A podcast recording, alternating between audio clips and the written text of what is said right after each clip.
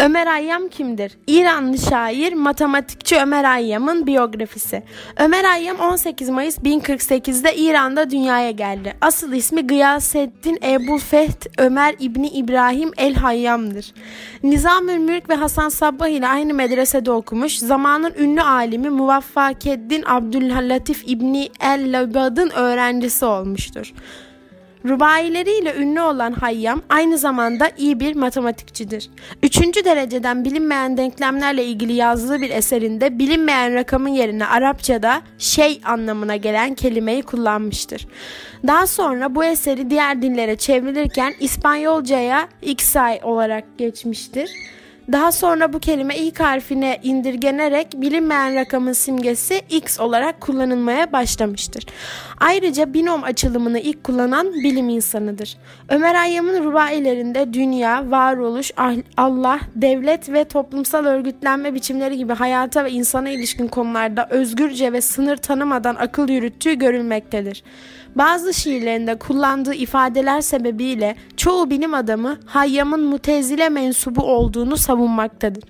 Horasan'ın yıldızı, İran'ın ve Irak, Irak'ın daha iyisi, Feylesofların prensi Ömer şeklinde anıldı. 4 Aralık 1131'de doğduğu yer olan Nişabur'da hayatı 83 yaşında sona erdi. Hayyam yaptığı çalışmaların çoğunu kaleme almamıştır. Ancak kendisi birçok teori ve icadın isimsiz kahramanıdır.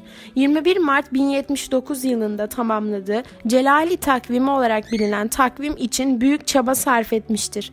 Güneş yılına göre düzenlenen bu takvim 5000 yılda bir gün hata verirken bugün kullandığımız Gregorian takvimi 3330 yılda bir gün hata vermektedir.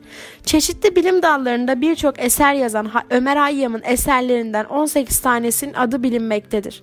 Ömer Hayyam birçok bilim insanınca batıni ve mutezile anlayışlarına dair görülür. Evreni anlamak için içinde yetiştiği İslam kültüründeki hakim anlayıştan ayrılmış, kendi içinde yaptığı akıl yürütmeleri eşine az rastlanır bir edebi başarıyla dörtlükler halinde dışa aktarmıştır. Rivayetlerinde dünya, varoluş, Allah, devlet ve toplumsal örgütlenme biçimleri gibi hayata ve insanla ilişkin konularda özgürce ve sınır tanımaz bir şekilde akıl yürütüğü görülmektedir.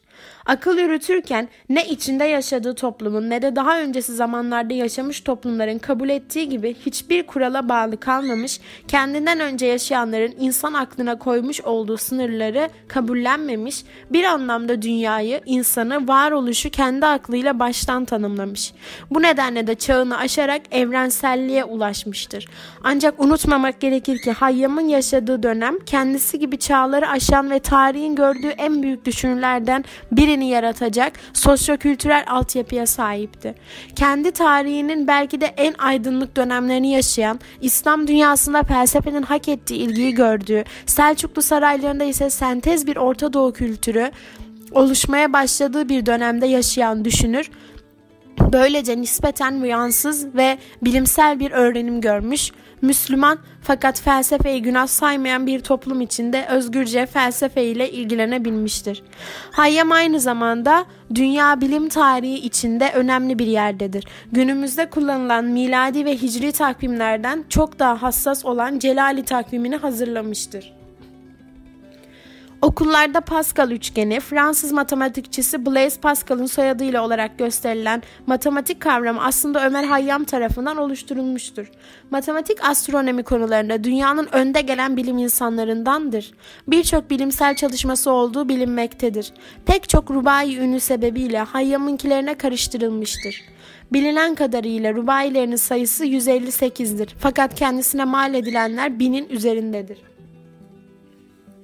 Ayrıca Ömer Hayyam için tarihteki ilk bilinen savaş karşıtı eylemci yakıştırması da yapılmaktadır. Horasan'ın yıldızı, İran'ın ve İran daisi, feylesofların prensi gibi lakaplarla da anılan Ömer Hayyam, ayrıca binom açılımını kullanan, ilk kez kullanan kişi olarak da tarihe geçmiş.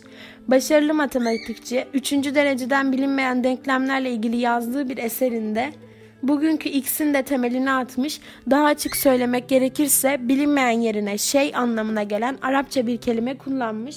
Bu eseri diğer dillere çevrilirken şey kelimesi İspanyolcaya iksay olarak geçmiş. Daha sonra da hepimizin bildiği x ifadesi doğmuş. Doğu'nun İbn Sina'dan sonra yetiştirdiği en büyük bilgin olarak kabul edilen Ömer Hayyam, Horasan'daki Berh, Buhara ve Merv gibi bilim de merkezi haline gelmiş şehirleri gezerek yeni şeyler öğrenmiş. Bağdat'a da giden büyük bilgin Selçuklu Sultanı Melikşah ve Karahanlı Sultanlığı Şemsülmülk Nasır gibi dönemin hükümdarlarıyla iyi ilişkiler içinde olmuş.